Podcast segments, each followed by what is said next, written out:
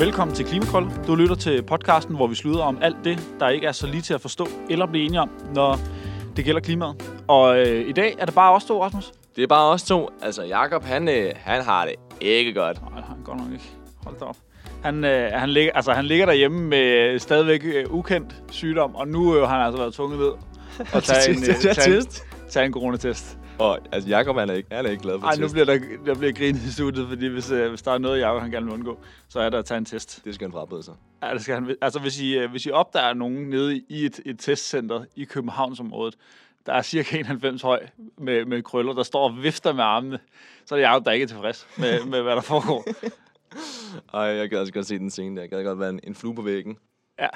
Ej, stakkels Jacob, fordi at vi får Stine Bosse i studiet senere, ja. Og det er jeg sikker på, at han også vil have, have ønsket at være hertil. Han får heldigvis lov til at, at lytte til det jo, så vi håber, vi får, vi får stillet de spørgsmål, han selv vil have stillet. Men altså lige for at lave sådan en hook her. Altså Stine Bosse, hun er en powerwoman. Hun er tidligere Times Magazine blevet kåret til... Øh, ja, blandt de, øh, de 50 mest magtfulde kvinder i verden. Altså, det, øh, Det er ret vildt. det er godt, vi har dig inde i studiet i dag, Hjalte, vores, øh, vores store mogul og money man. Ja, nu får vi se. Jeg bliver ikke, altså hverken stormogul eller moneyman, når vi sidder i et i et studie sammen med Stine Bosse.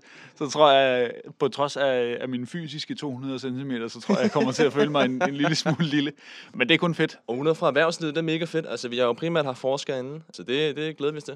Ja, lige præcis. Det bliver, det bliver spændende at, at stille nogle spørgsmål sådan ind til noget mere uh, traditionel uh, kapitalisme og, og vækst, og høre, hvad, uh, hvad hun har at sige til det. Men, altså inden vi går for langt over i erhvervslivet, så starter vi lige med forskningen. Ja, vi gør Fordi det. at, øh, dagens nyhed, det handler nemlig om forskning.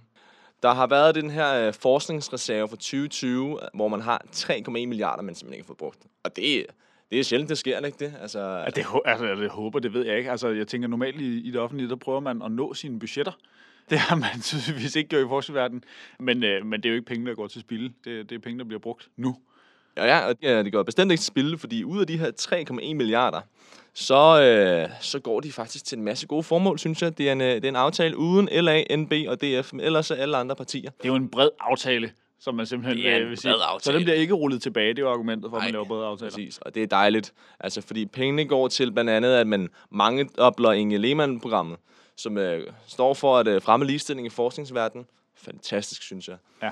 Og så er der også det her med, at 2,7 af de her 3,1 milliarder skal gå til den grønne omstilling. Altså, det er jo, det, det synes jeg personligt, øh, det er, jo, det er jo fantastisk at høre, ikke? Og det er især de her fire områder, carbon capture, altså CO2-fangst, grønne brændstoffer, power to x, landbruget, og så cirkulær økonomi. Det er altså noget, Jesper Steinhausen, han bliver glad for det her. Ja, for søren, og, og forhåbentlig alle andre også bliver glade for. Altså uden overhovedet at kunne sige noget om, om det er penge nok. Og også at, at, at undgå at være sådan en hysterisk ung, hvor det bare aldrig er nok. Skal flere penge? så lyder, det, så lyder det jo super fedt.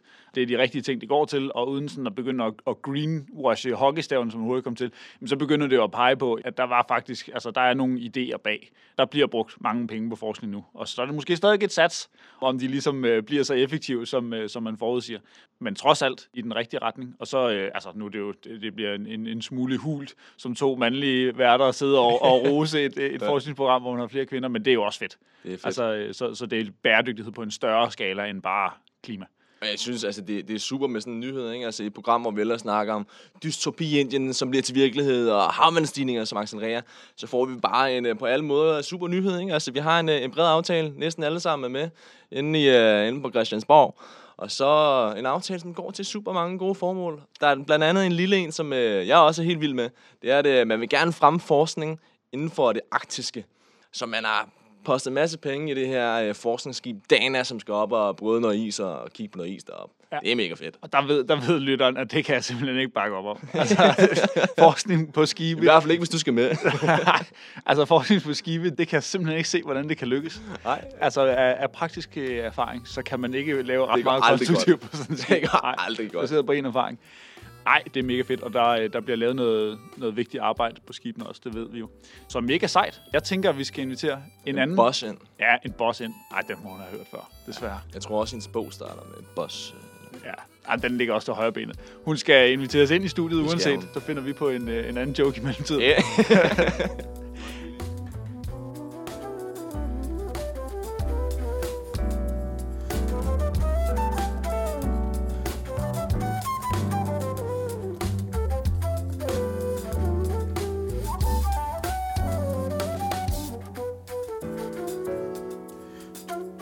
Så sidder vi her. Vi har øh, fået Stine Bosse i studiet. Hjertelig øh, velkommen til. Tak. Og jeg synes i virkeligheden bare, Rasmus, skal vi ikke øh, springe ud i nogle spørgsmål, vi har glædet os, som vi snakkede om. Helt vildt. Men, men Stine også lad mig, lad mig høre først og fremmest, altså, øh, hvordan er det at sidde i, øh, i bestyrelser? Altså, øh, jeg har, ikke, øh, jeg har ikke introduceret dig meget mere, end, øh, end vi gjorde i, i introduktionen. Og det er ikke detaljeret i, hvilke, hvilke bestyrelser du egentlig sidder i. Hvad er det for noget arbejde, du går rundt og laver til daglig? Jamen altså, bestyrelsesarbejde handler jo om den overordnede navigation af virksomheder. Jeg sidder både i et af verdens største forsikringsselskaber, og så sidder jeg i nogle små startups. Og det er selvfølgelig meget, meget forskelligt. Startups, det er meget mere hands-on og overlevelse, og hvad gør vi næste år osv. Men det, som jeg synes er rigtig interessant, det er, at klima har jeg haft på forsikringsdagsordenen siden øh, starten af nullerne der begyndte vi at holde sådan nogle møder, hvor journalisterne i Danmark sagde, hvordan kan det være, at der er, en, at der er et forsikringsselskab og en koncerndirektør, der begynder at tale om klima. Så jeg har i virkeligheden været tæt på den her dagsorden, og det, der er spændende, det er, at nu er den helt inde på bordet i de bestyrelser, jeg arbejder i. Samtlige. Jeg tænker, vi, man hører tit om, at øh, man kan skære ned på sit kødforbrug, man kan flyve mindre, og man kan stemme i en grøn retning. Men hvordan er det, at man helt konkret i bestyrelser kan være med til at styre den grønne dagsorden? Altså, hvis du tager den store bestyrelse, altså øh, det store forsikringsselskab, som også er en af verdens største investorer, der tog vi en beslutning for, ja, det er jo så to år siden nu, hvor vi sagde ikke mere kul. Og det var en af de største, største og første, der sagde, nu vil vi ikke investere mere i det. Og der tror jeg, at man skal se for sig, at der, hvor pengene går hen, det er det, man kan i sådan en bestyrelseslokale. I virkeligheden ikke så meget de helt små, vel, men i de store, der er det man kan. Der man kan sige, nu vil vi ikke putte vores penge hen et sted, som ikke er CO2-forsvarligt. Og så starter selvfølgelig diskussionen, hvad er CO2-forsvarligt? Er det også en omstilling af oliesektoren til gas, for eksempel? Ikke? Og det er der mange, der ikke ved, men altså uden gas, så går det ikke. Øh, og gas er ikke så slemt som de andre. Det, det er slemt nok, men det er ikke så slemt som de andre. Mange af de der dybt videnskabelige ting, dem tager man faktisk med sig i beslutningerne i de her bestyrelseslokaler. Er I så som, som øh, bestyrelser og virksomheder, er I i virkeligheden øh, foran befolkningen i forhold til at tage øh, grønne beslutninger, eller er, er I omvendt øh, meget populistiske? Altså fordi det, det er jo i hvert fald en, en kritik, der, ja. øh, der kan rettes. Det kan jeg godt forstå. Jeg tror, for det første kan du ikke sige det over en kamp. Nej. Jeg tror, der findes bestyrelser, jeg er der bare ikke. Jeg tror, der findes bestyrelser, som er voldsomt ligeglade med det her fænomen, og som stadigvæk i fuld alvor tror, det er noget, der rejser væk. Ikke? Der var en meget, meget kendt politiker i Danmark, som på et tidspunkt lige forud for kopmødet i Danmark, jeg vil ikke nævne navnet, fordi det er ikke charmerende, det jeg siger nu, men han var en toneangivende politiker, som sagde, oh, lad os nu se for det her cirkus overstået, så, det, så det, det er meget nemmere, når det hele er rejst væk. Den indstilling er der både blandt nogle i dag heldigvis meget få politikere, men den er der selvfølgelig også i nogle bestyrelseslokaler, men langt, langt, langt de fleste jeg vil sige, på verdensplan er vi nok op nu på 75-80 procent. Der tager man det her alvorligt. Og man forsøger at tilrettelægge sine beslutninger, både sine investeringer, men også sine operationelle beslutninger, sådan at det tager hensyn til, at vi skal have reduceret CO2-udslippet. Jeg har også øh, hørt, at mange øh, virksomheder, de går fra det, man før kaldte CSR, altså Corporate Social Responsibility, ja. over til noget, man kalder ESG, yes. altså Environmental og Social Governance. Det gør vi alle sammen, fordi det bliver vi bedt om. Det er sådan, vi skal rapportere. Okay, ja. Kan, kan du prøve at forklare os lidt, hvad er forskellen på de to? Altså i virkeligheden er jeg, jeg var aldrig, altså jo, Corporate Social Responsibility var godt nok. Men i virkeligheden er ESG'erne stærkere, fordi det er businessmåden at tale om SDG'erne. Og hvor man taler om, der er både den miljømæssige side, hvor langt de fleste i dag jo vægter klima som det helt overgribende tema, men også plastik. Altså også det at få reduceret, hvordan vi håndterer hele plastiksituationen, og det ikke bare vælter ud i naturen, og andre miljømæssige temaer. Og der rapporterer man jo nu på, hvordan man gør, og de rapporteringskrav, jeg hilse at sige, dem skruer politikerne i EU voldsomt op for i disse år. Jeg synes, det er godt. Men ikke alle, der synes, det er godt. Jeg synes, det er helt naturligt, og det er en god form for måde at forsøge at pege et erhvervsliv i den rigtige retning. Så er der hele S-siden, som er social, som handler både om, hvordan behandler du dine medarbejdere, og hvordan behandler du dine kunder, meget spændende faktisk. Ikke? Altså, mm. opføre sig ordentligt over for sine kunder er pludselig kommet op på rapporteringsdagsordenen. Og så, øh, hvordan opfører du dig i det samfund, du er en del af. Og så det sidste, som jo i virkeligheden ender med altid at blive der, hvor det også er virkelig svært, og jo større virksomhed, jo sværere governance. Hvordan styrer du, hvordan sikrer du dig, at det, du gerne vil, er også det, der sker ude i det yderste led? Vi bliver nødt til at snakke lidt om også altså de bestyrelser, du sidder i, fordi spændet er, er kæmpestort. Du sidder i, øh, i Concito, og i, øh, sad i Concito, sad i Concito som ja. og, øh, og Nuna Oil, som er, er to vidt forskellige steder på, på spektret, i hvert fald set sige. udefra. Hvordan, hvordan arbejder du med, med, med klima og bæredygtig omstilling i, i to så forskellige virksomheder? Det er, en, det er en historie, jeg er rigtig glad for, at du spørger mig til. Skal vi lige starte med at sætte nogle ord på Concito og hvad Nuna Oil er? Ja. Men, men det skal jeg nok, fordi det giver sig selv, når jeg begynder at fortælle. Concito er jo Danmarks Grønne Tænketank. Jeg var formand, og det var jeg indtil for vel seks år siden eller sådan noget. Da jeg blev formand for Europabevægelsen, så sagde jeg, nu skal jeg ikke det her mere. Nogenlunde på samme tid bliver jeg inviteret ind som formand i Nunarøl. Og det var jo øh, Grønlands, øh, og jeg siger var, det var jo Grønlands store oliedrøm, som var bagt ind i det her lille, allerede dengang meget lille selskab. Og da jeg starter der, så er der stadigvæk nogle meget, meget høje ambitioner i Grønland, og jeg skal selvfølgelig være lojal over for det, men jeg er den, der i bestyrelseslokalet første gang siger, måske skulle vi interessere os lidt for nogle af de her IPCC-rapporter, fordi i virkeligheden skal halvdelen af den identificerede olie, her i Grønland er der jo ikke identificeret noget olie, ikke op, hvis vi skal leve med øh, klimakrav. Og det var der jo diskussioner om osv. osv. Og jeg holdt fast i det. Jeg holdt fast i det tema som et bestyrelsestema. Og så har jeg faktisk været instrumentel for den omlægning, vi nu har i gang, hvor Nunaoil nu er reduceret til én medarbejder. En ufattelig lille økonomi. Min løn er vel divideret med 10 eller sådan noget. Ikke? Det er det, jeg får i løn nu. For alene at prøve at omstille Nuna Oil nu til ny virkelighed, også i Grønland. Det lyder ekstremt spændende, og, og ekstremt ambitiøst også. Altså for, for øh, det, det er et, et meget øh, konkret og håndgribeligt svar på, om kapitalismen ligesom er kommet til kort. Ja. Altså, øh, fordi det her det er lidt et eksempel på det modsatte. I virkeligheden så vil jeg gerne tage fat i noget, noget meget lavpraktisk i dit svar, og det er, at, at du siger formand. Øhm, fordi det her, det, det skal ikke handle om, om den helt store øh, ligestillingsskala, men alligevel synes jeg, det er interessant at spørge om, det er et lille smule strengt spørgsmål, men vil verden være et, øh, et, et, et øh, bedre eller et, et grønnere, mere bæredygtigt sted, hvis der sad flere kvinder i bestyrelser?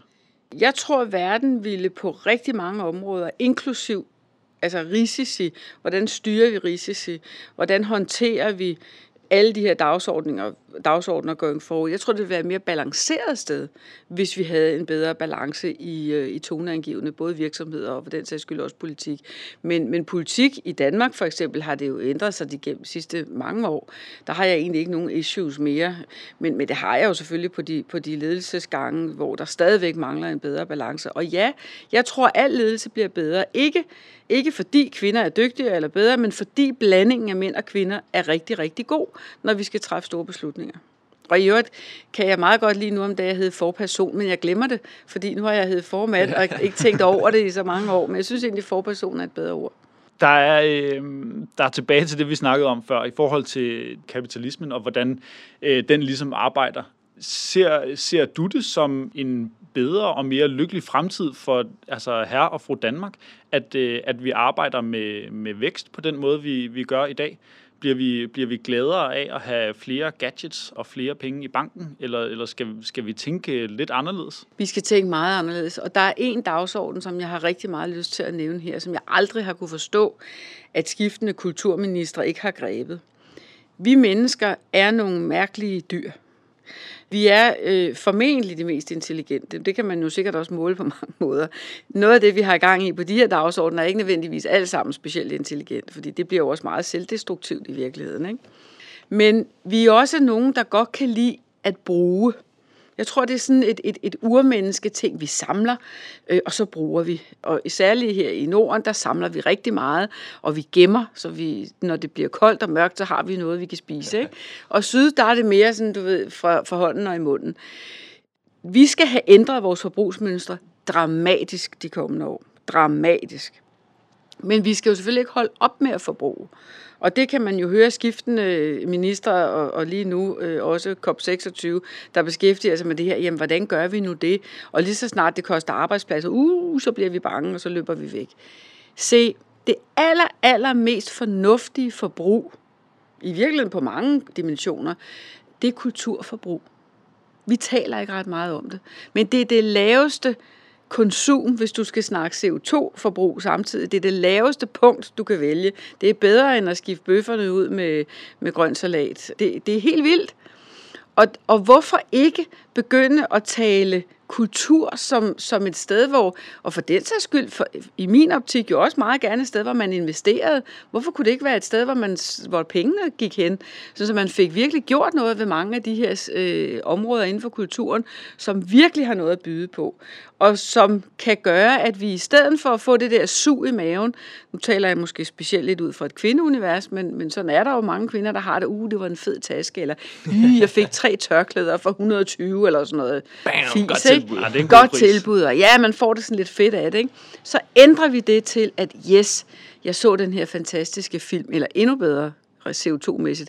Jeg så det her fuldstændig fantastiske teaterstykke, skabt af nogle unge mennesker under nogle øh, sådan i virkelig lidt enkle forhold, og så videre, og så videre, og så videre, og så videre. Der kan virkelig gøres noget på den front. Det bliver også et område, hvor man virkelig kan, kan gå ind og ændre på ens tankegang, og man Ja. kan få nogle, øh, nogle oplevelser, som Ja. bare ved. Ikke? Altså, Ja. Vi kender den ene film, som vi bare altid øh, Præcis. kan gå tilbage til at øh, referere til, Ja. fordi det var bare en fed film. Ikke? Og, og så prøv at forestille dig, at du udvidede, du trak simpelthen ud i det der og sagde, jamen du kan købe teaterstykket. Lad os sige, det koster 300 kroner at komme ind og se et godt teaterstykke. Ikke? Men så skal du bare lade være at købe to skjorter, eller hvad det nu er på tilbud. Ikke? Eller en. Og så kan du bagefter tilkøbe for 100 kroner, at du deltager i en debat. Og man, man folder nogle af temaerne ud, måske i nogle forskellige workshops, og at noget af det bliver til noget, nogen har lyst til at arbejde videre med. Altså, du kan, det bliver sådan en uendelig, vi er sammen på nye måder, og vores samfund bærer sig selv. Og apropos bæredygtighed, ikke? det er jo det, vi leder efter. Vi begynder simpelthen at tænke anderledes. Og vi kan gøre det for børn, vi kan gøre det for ældre mennesker. Hvorfor skal de sidde og syne hen på et plejehjem? Hvorfor ikke gøre noget også for de mennesker, som i den sidste ende af livet måske trænger til at få nogle fede oplevelser? Jeg synes, det her tema er så underkommunikeret, og, og det har altså været velkendt de sidste, i hvert fald syv år.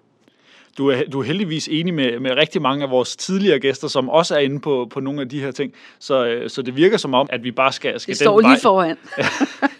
Jeg kommer til at tænke på, altså, øh, hvordan, øh, hvordan bliver du inviteret med i de her bestyrelser, hvis, hvis det ligesom er, er tilgangen, at vi skal faktisk ikke have så meget af det, vi laver her. Vi skal, Det er et godt spørgsmål. Vi, vi skal slet ikke Øh, udvinde så meget olie. Altså. Det, det er heller ikke sikkert, at jeg bliver inviteret med i dem alle sammen. Nej, altså, og det tror jeg faktisk, fordi min profil er jo rimelig tydelig. Altså, men til gengæld kan jeg så glæde jer med, at en af de her verdens største forsikringsselskaber, jeg synes ikke nødvendigvis, vi skal nævne, hvad det er for net, vel, af, af hensyn til mange ting, men, men det kan man jo gå ind og google sig frem til. Der er jeg rent faktisk formand for den i bestyrelsen nedsatte ESG-kommission. Og det må jo alt andet lige vidne om, at der er altså nogen, der mener det her alvorligt. Da jeg spurgte formanden, hvorfor blev det lige mig, du tænkte på i den følelse, så siger han, "Det- du er da den eneste, der har forstand på det. øh, og det er da meget fedt. Ikke? Altså, og det er jo inklusiv mit formandskab i Concito, og han og jeg var faktisk også nogle af de første, som i øh, industrien, altså forsikringsindustrien, introducerede det her spørgsmål. Det leder mig egentlig lidt videre til det næste spørgsmål, fordi vi havde Mærsk inden for nogle uger siden, øh, hvor det, der blev nævnt, at de havde købt otte nye tanker, som skulle køre på e-metanol. Altså, de var virkelig first mover, siger jeg. Det var ikke noget, de var tunge til. Det var noget, de selv gjorde.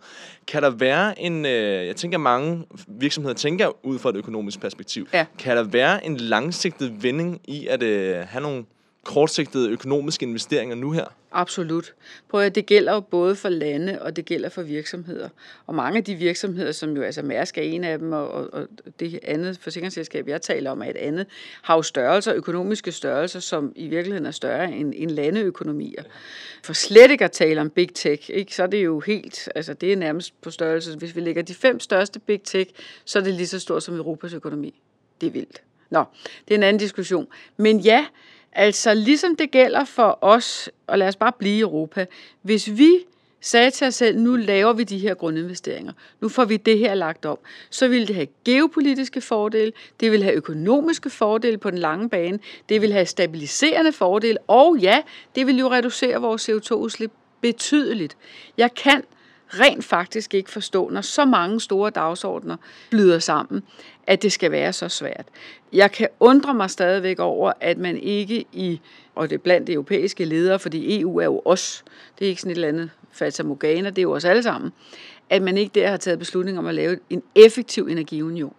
Det vil jo i sig selv løse rigtig, rigtig meget problemet. Men mennesket er jo øh, sådan, at det har svært ved forandring. Hvordan går man så ind i en bestyrelse, som du siger, vi har de her fem områder, vi virkelig kan rykke på. Hvordan, hvordan får vi det til at ske? Ved at vi sætter dagsordnerne. Ved at vi siger, altså nu kan jeg tage et, et sådan helt lavpraktisk eksempel. Forestil dig et forsikringsselskab. Et forsikringsselskab er stor investor. Et andet område er selvfølgelig internt forbrug, men det er jo relativt lille, selvom det er en stor bamse. Men der, hvor man virkelig gør noget, det er for eksempel på, øh, hvad hedder det, øh, skader. Altså folk, bilskader, husskader, alt muligt. Det indkøb, der lægger sig tæt op af skader, der er jo et kæmpe klimatryk på det. Og det at begynde at gøre noget der, de facto, så begynder tingene, så, fordi så er der andre, der siger, at ja, det kan man jo også. Det fremmer et bygningshåndværk eller et bilreparationstankegang, som er klimavenligt. Så det bliver jo sådan en positiv ringe, der drejer i vandet. Jeg tror, øh, altså, vi skal jo simpelthen ikke holde dig meget længere, Stine, fordi det, det lyder som om, du skal ud i nogle øh, bestyrelser og lave noget, noget godt arbejde. Og jeg er jo lidt bange for, at det her simpelthen bliver en... Øh, det, er jo ikke, det er jo ikke greenwashing, når det er rigtigt, men er kapitalismen. Altså, det, det lyder som om, det ikke er så slemt, som, øh, som det ellers kunne, øh, kunne portrætteres. Jeg synes også, jeg har lyst til at sige, at jeg bliver stadigvæk forstemt, når jeg læser om, og det gør jeg jo selvfølgelig, at der er virksomheder, som egentlig ikke regner den her dagsorden for noget. Og jeg synes, det er så godt, at folk som jer, forskere, det politiske system, bliver ved med at presse på og sige, vi vil have det sker i virkeligheden. Man kan ikke pynte sig med grønt. Man skal, man skal gennemføre grønne dagsordner som virksomhed. Til gengæld så holder jeg med de politikere, der siger, at det er faktisk en forudsætning for, at vi lykkes. Så det er ikke kun et politisk problem, det her, som kan løses politisk. Det, det skal det også, men det er også et virksomhedsomstillingsopgave at få det her til at ske på den gode måde. Og så må jeg lige sige en ting, jeg glemte før på det der, alle de der tick the box pointer. De virksomheder, der gør det her, kan måske nok skulle have nogle penge op af lommen år et, men i sidste ende bliver det jo også en økonomisk fordel. Og det driver altså også på mange af de her ting. Det er jeg også nødt til at ærligt at sige. Så, så der bliver kapitalismen, når først det store hjul er drejet over i den rigtige retning, så bliver tilstrømningen af penge, tilstrømningen af overbevisning jo rent faktisk også til en økonomisk fordel. Og det fede er, at det virker som om, at der er drejet på hjulet, men ja. det er godstoget, det er ved at komme i gang nu, det er ved at komme i fart. Ja. Spændende. Vi vil sige uh, tusind tak, fordi du kom forbi, Stine. Det var virkelig spændende at høre. Det var tak mega for invitationen. Det var, det var mega fedt. Det var godt.